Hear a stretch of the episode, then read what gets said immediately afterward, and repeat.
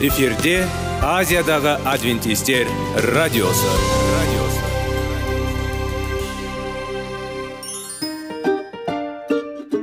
сәлем достар. Денсаулық өмір бұлағы және біздің бірінші байлығымыз демекші денсаулық сағаты рубрикасына қош келдіңіздер.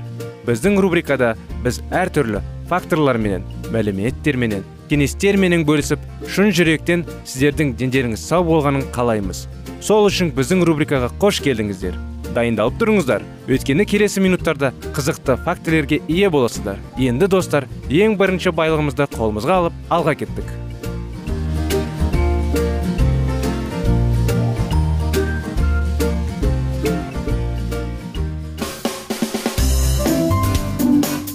Денсаулық туралы хабар. Денсаулықтың ашылуы. Күн сайын сөз үшін күшті кеңестер соңғы жаңалықтар. Қызықты факторлар біздің рубрикада.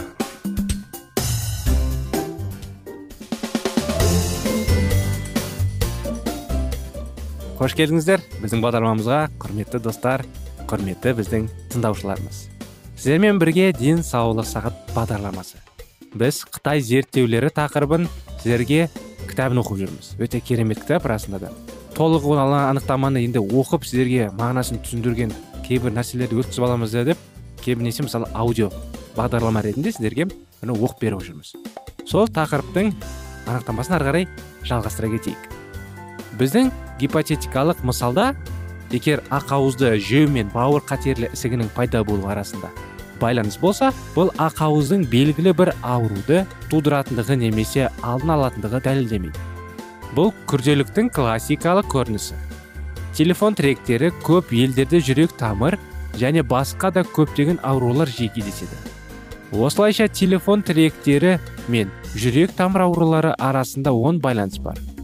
Алайда бұл телефон тіректері мұндай ауруларды тудыратынын дәлелдемейді. Шын мәнінде корреляция себеп салдар байланысын білдірмейді. Бұдан корреляция пайдасыз деп айтуға болмайды. Дұрыс түсіндірілген кезде оны тамақтану мен денсаулықтың байланысын зерттеу үшін тиімді пайдалануға болады.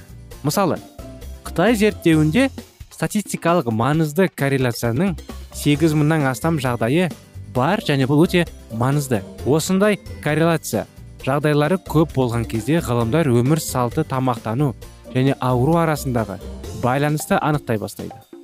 Бұл өз кезегінде тамақтану мен денсаулық процестерінің шынымен қалай жүретінін түсінуге көмектеседі. Алайда егер біреу жалғыз фактордың жалғыз нәтижеге әкелуі мүмкін екендігі туралы дәлелдер алғысы келсе корреляция өте жақсы құрал емес. Статистикалық маңыздылығы екі фактордың арасындағы корреляцияны анықтау өте қарапайым болып көрінуі мүмкін.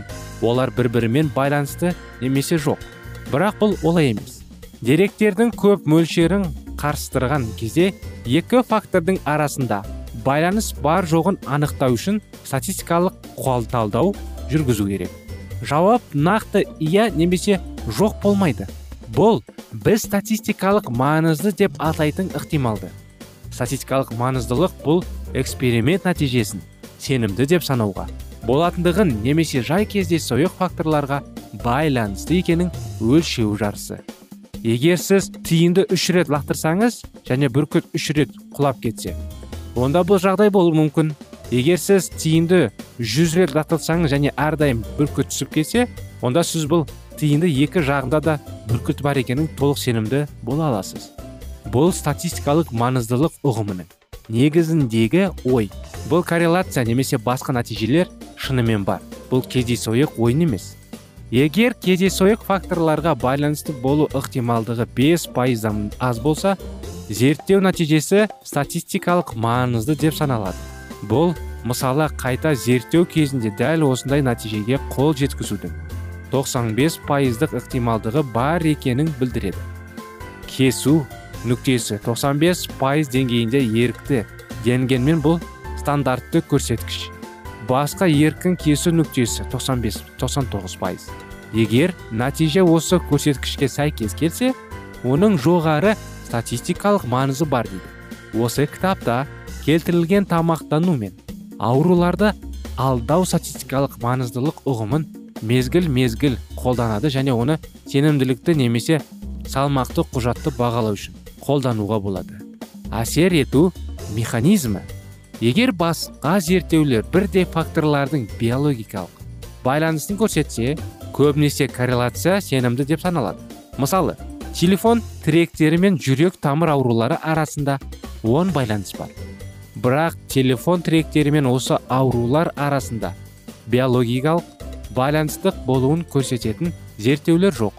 Алайда ақауыз мен бауыр қатерлі ісігін қабылдау биологиялық және себеп салдалық қатынастарға ие болатын процестерді қарастыратын зерттеулер бар. Бұл біздің үшінші тарауымызда талқыланады. Алдымызда ол әрине болады. Денеде бір немесе болатын процесстер білу. Іс әрекеттің ан терісін білуді білдіреді. Ал әрекет ету механизмін білу дәлелдеуді күшейтеді. Басқаша айтқанда бұл екі корреляциялық фактор биологикалық тұрғыдан ұқсас түрде өзара байланысты екенін білдіреді. Егер қарым қатынас биологиялық тұрғыдан мүмкін болса ол әлде қайда сенімді деп саналады. Метанализ соңында біз метанализ ойдың түсінуіміз керек. Метанализ бұл әртүрлі зерттеулерден алынған мәліметтерді біріктіру және оларды бірыңғай мәліметтер жинақтығы ретінде талдау.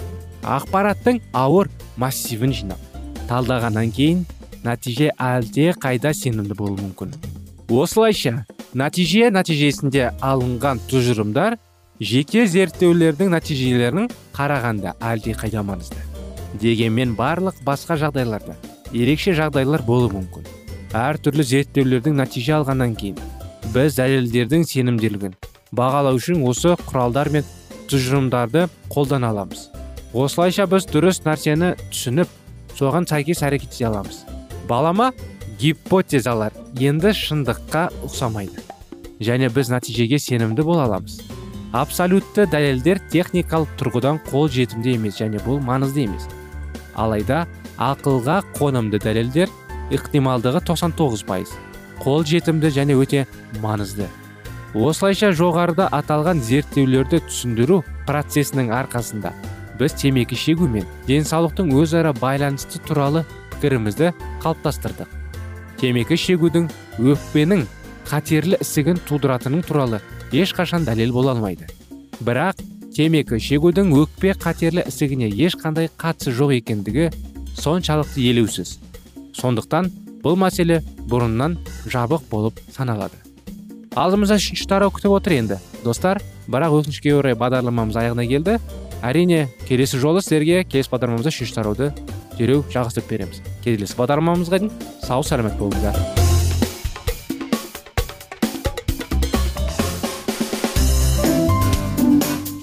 Денсаулық туралы хабар. Денсаулықтың ашылуы. Күн сайын сөз үшін күшті кеңестер соңғы жаңалықтар қызықты факторлар біздің рубрикада.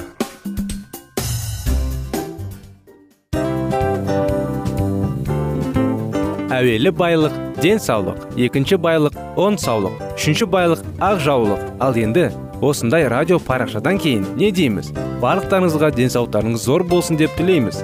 Денсаулықтың өзгеруі кішкентай нәрселерден басталады. Осымен біз берген кеңестер мен мәліметтер шын жүректен сіздер үшін қандай да бір болсын жәрдем берді деп үміттенеміз. Тыңдаушыларымызбен келесі радио парақшасына дейін қоштассамыз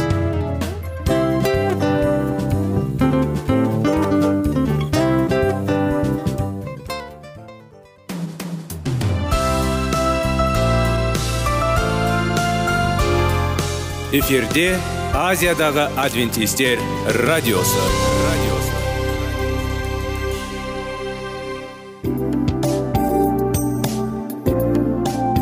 сәлем достар. Барлықтарыңызға шын жүректен сөйлесейік рубрикасына қош келдіңіздер деп айтпақшымыз. Шын жүректен сөйлесейік бағдарламасы әртүрлі қызықты тақырыптарға арналған. Шындығында шын жүректен сөйлесейік деген сөздің мағынасы екі достың екі адамның ортасындағы шын жүрекпен сөйлесуі бір біріне сенуі ашықтық пен шындықты білдіреді.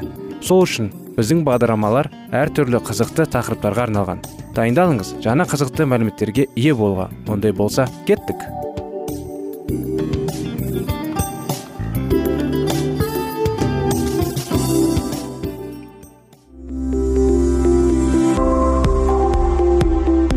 Алтын сөздер. Сырласу қарым қатынас жайлы кеңестер мен қызықты тақырыптар.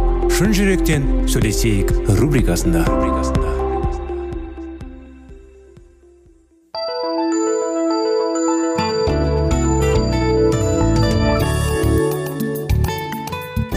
Сәлем достар армысыздар құрметті ә, радио тыңдаушыларымыз.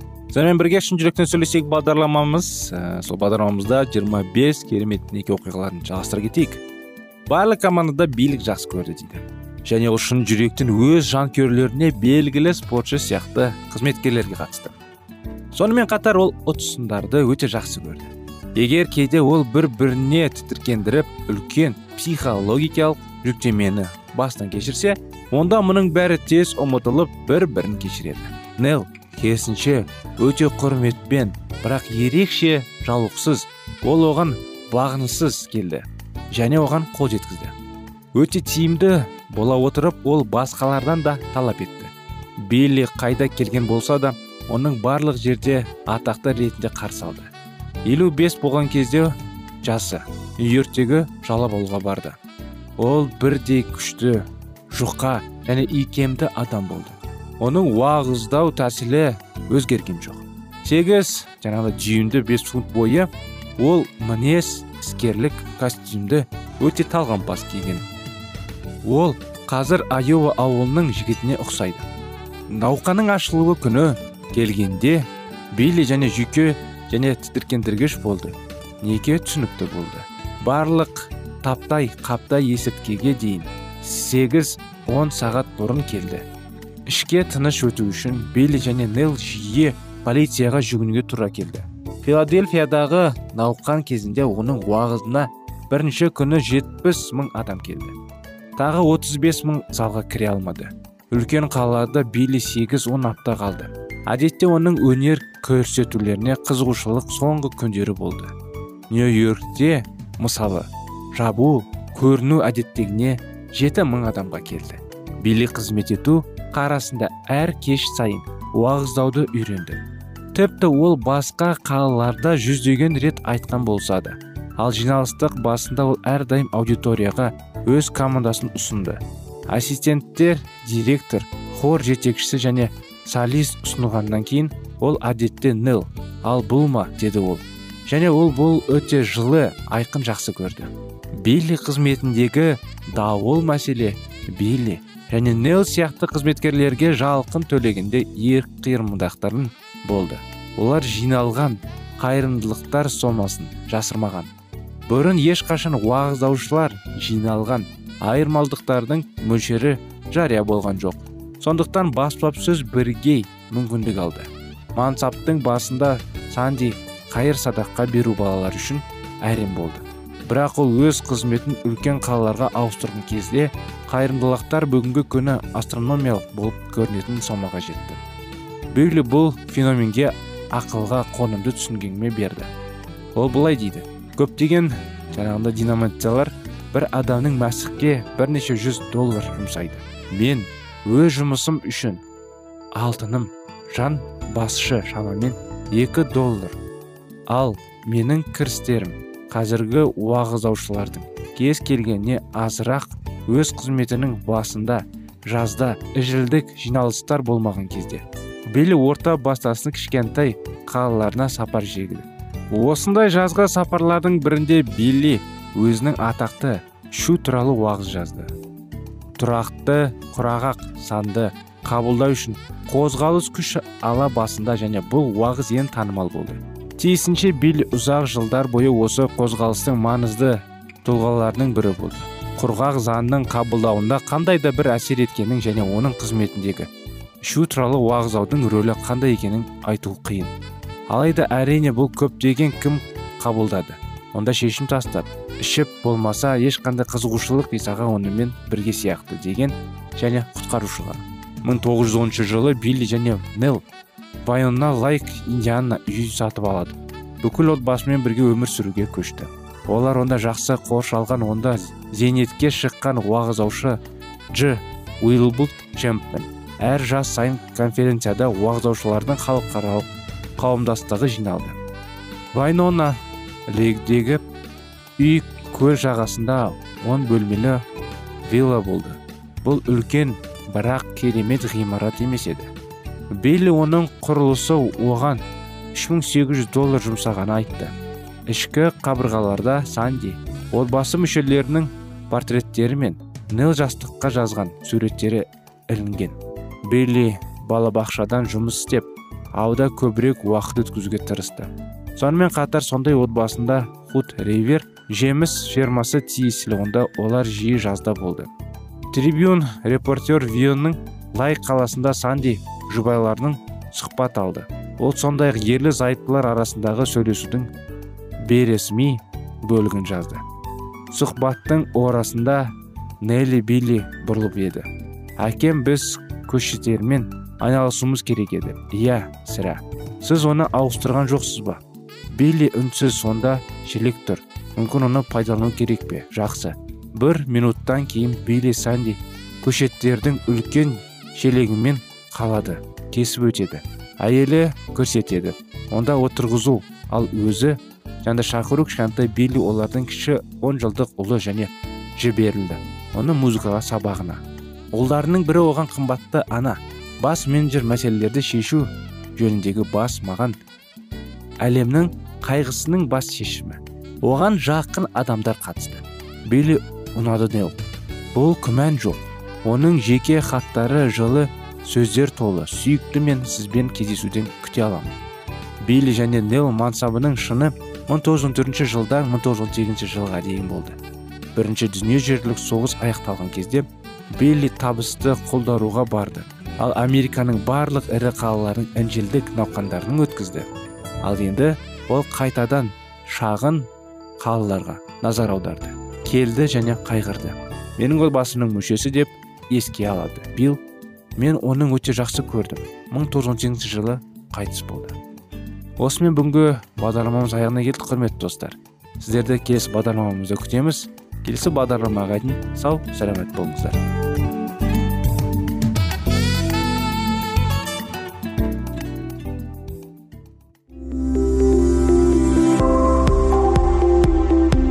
Алтын сөздер. Сырласу қарым қатынас жайлы кеңестер мен қызықты тақырыптар. Шын жүректен сөйлесейік рубрикасында.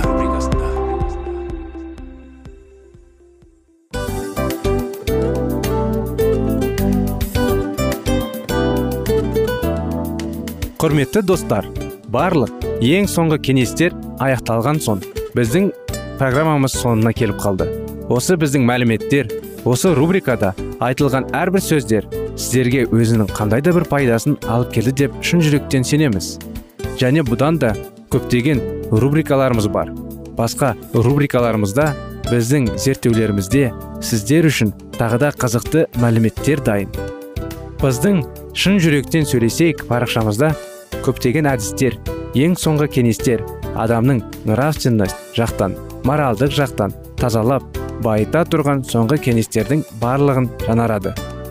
сондықтан алдыңғы күндерде бізбен бірге болыңыздар. Өйткені барлық қызықтар алдыда. Бізбенен бірге болғандарыңызға үлкен рахмет. Келесі кездескенімізше сау сәлемет болыңыздар.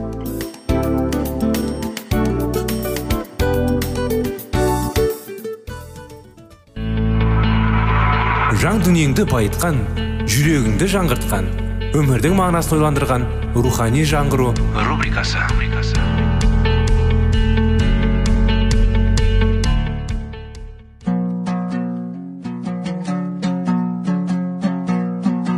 Ассалаумағалейкум біздің тыңдаушыларымыз. Келі кітаптың шындығын ашып берген қысқа бағдарламасына қош келдіңіздер. Барлығынан жоғары жаратушы біздің қарыңғылықта жалғыз қалдырып қойған емес. Өйткені ол келешекте не болу керек екенін кітаптың парақтарында ашып береді. Немесе келіңіздер бізге қосылыңыздар. Жаратушы бізге нен ашып бергенін зерттейміз.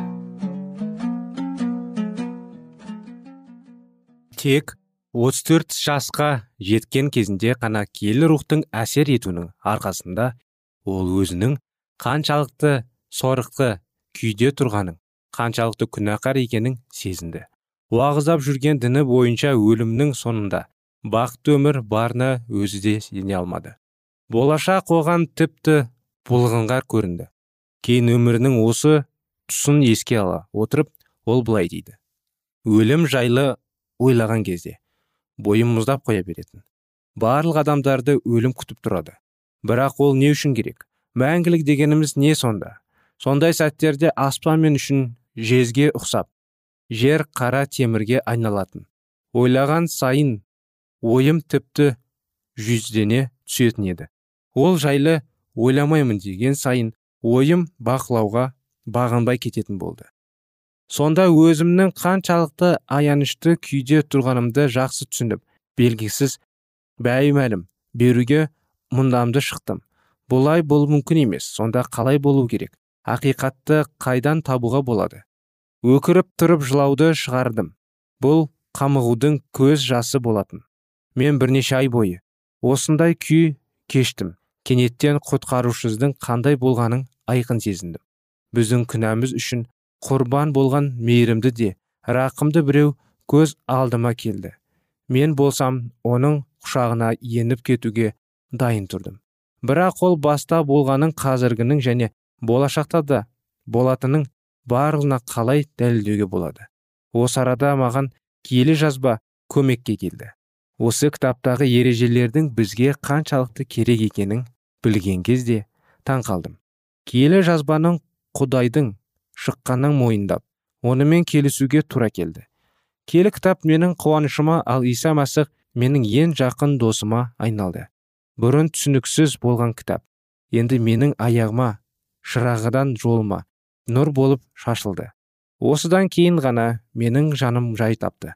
Алла тағала өмір мұхитындағы қозғалмайтын берік тау екеніне көзім жетті. Енді бұл кітапты оқып зерттеу маған қатты ұнады. Одан өмірімде естіп көрмеген оқиғалар жайлы мағлұмат алдым. Менің жаралы жаныма ем табылды. Дереу басқа кітаптардың барлығын тастап құдайдың даналығын зерттеп соны бойыма сіңіруге кірістім. Миллер өзінің ендігі жерде бұрын бас тартқан дінге жататынын ашық мойындады. Оның достары киелі жазбаны құдайдың тарапынан шыққанына да уласып тұрып миллердің келетірен дәлелдемелік келтіре бастады. Ол кезде миллер достарына жауап беруге әлі де болса дайын емес еді. Егер киелі жазу құдайдың шықса онда қарама қайшылықтар болу мүмкін емес. Егер ол адамда үшін бірнесе оларға түсінікті болу керек. Сондықтан да миллер киелі кітапты дұрыстап зерттей бастады. Болмыстан бастап оқып отырып түсініксіз жерлері кездескенде оның келі кітаптың осы сұраққа қатысты жерлермен салыстырып отырып талатады. Негізінде киелі жазу өзін өзі түсіндіреді. Әлбетте әр мәтіннің өз мағынасы болғанымен оны басқа мәтіндермен салыстыра отырып көкейіне пайда болған күдікті сөйлетуге болады. Өз тәжірибесіне сүйене отырып миллер сенің аяның мәнісі ашылғанда нұр шашады. Қарапайымдардың көзін ашып санасын оятады деген өлең жолдарының мағынасын дерең ұқты әсіресе вильям даниил пайғамбарының кітаптары мен аянды қызаға оқыды. Бұл кітаптарда берілген аяндардың тура дәлдікпен орындалғандарына көзі жетті. Неше түрлі бейнелер метафоралар мысалдар бір бірімен байланысты екенін ұғындырылады. Немесе олардың түсініктемелерін келі кітаптың басқа жерлерінен табуға болады. Басқаша айтқанда оны қалай жазылса солай ұғу керек. Сонымен миллер киелі кітаптың ашық ақиқаттар жүйесі екенін және оның түсініктілігі мен қарапайымдылығын соншалықты оны ақмақ адамға ұға алатынын түсінді. Аяндардың ұзын тізбені. Бірте бірте зерттей отыра ол табысқа қол жеткізді. Көктегі періштелер оған жетекшілік жасап жазбаны ұғуға көмектесті. Ежелгі кездегі алланың берген аяндары орындалды деген уақытыңда қалай орындалса болашақпен байланысты аяндары да дәл солай орындалына миллер еш күмәнданбады осылайша миллер көпшіліктің ойдағындай ақырында алдында болатын. Мың жылдың патшалық жайлы мезгіл. Адамзаттың пәк және бейбітші болатын уақыты. Киелі кітаппен құпталмайтынын көзі жетті. Жылдық патшалық туралы теорияға сәйкес ақырдың күні өте алыс уақытта шегіндіріледі. Бұл теория иса мен оның елшілерінің іліміне қарсы. Басқаша айтқанда мың жылдың құдайдың патшалығы өтпей ақыр заман келмейді деп адамзат ол жайлы ойламай сол күнге дайындамай қаннен қаперсіз жүре бермек. Бұл адамзаттың жауы яғни ібліске өте қолайлы. Ал киелі жазба бойынша егін орағы басталғанша яғни ақырға дейін бидай мен арам шөп қатар өседі. Ендеше ақыр заман жеткенше жақсылық пен зұлымды қатар жүріп отырмақ. Былайша айтатын болсақ мейірімділер де жауыздар да ақырға қатар жетеді. Жексұрындардың жауыздық істері өркендеп өздері де адасып өзгелерді де адастырды. Және соңғы уақытта жағдай тіппен жаман болды. Түнек патшалығы қиямет күніне дейін билік құрады. Және алла келгеннен кейін оның ұзының рухымен бір жола құриды. Елшілердің ғибадатханасы күллі әлемнің бет бұратының және мәсіхтің рухани патшалығына қатысты пікірді қолдаған жоқ. Бұл доктрина 18 ғасырдың басына дейін мәсіхшілер арасында кен түрде мойындалған жоқ. Басқа да адасушылықтар тәрізді оның соңында жақсылыққа апарған жоқ. Бұл доктрина бойынша адамдар алланың келетініне өте алыс жатқан оқиға ретінде қарап оның келер алдындағы болып жатқан белгілерге көңіл аударған жоқ. Бұл ой адамдардың көкейінде сенімділік пен қауіпсіздік сезімдермен туындатып көпшілік жандар тәңірлерінің келетініне немқұрайлықпен қарады. Миллер жазба мәсіхтің келетініне нұсқап тұратынын тапты. Елші паул былай деді бас періште дауыстап керней таратылған кейін еміз мәсіх иса көктен жерге түсті. Сол уақытта менің билеуші ретінде қайтып келуімнің ғажайып белгісі аспаннан көрінетін болады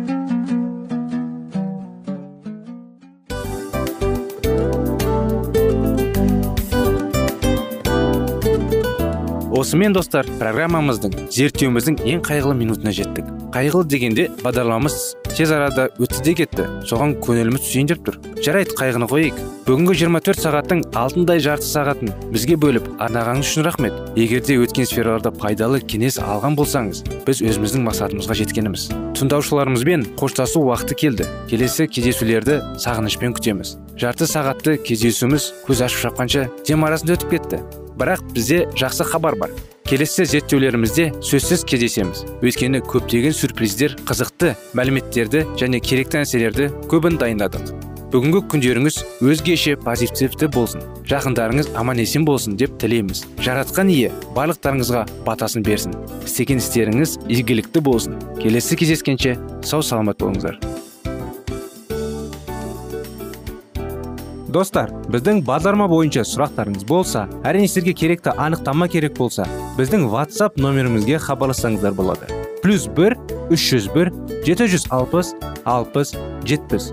Иә достар сіздер қателеспедіңіздер бұл біздің номерлерге ұқсас болмаса да бұл whatsapp номер арнайы. Хабарласыңыздар сұрақтарыңызды қойып тұрыңыздар. Анықтаманы алып тұрыңыздар. Плюс бір үш жүз бір жеті жүз алпыс алпыс жетпіс whatsapp номері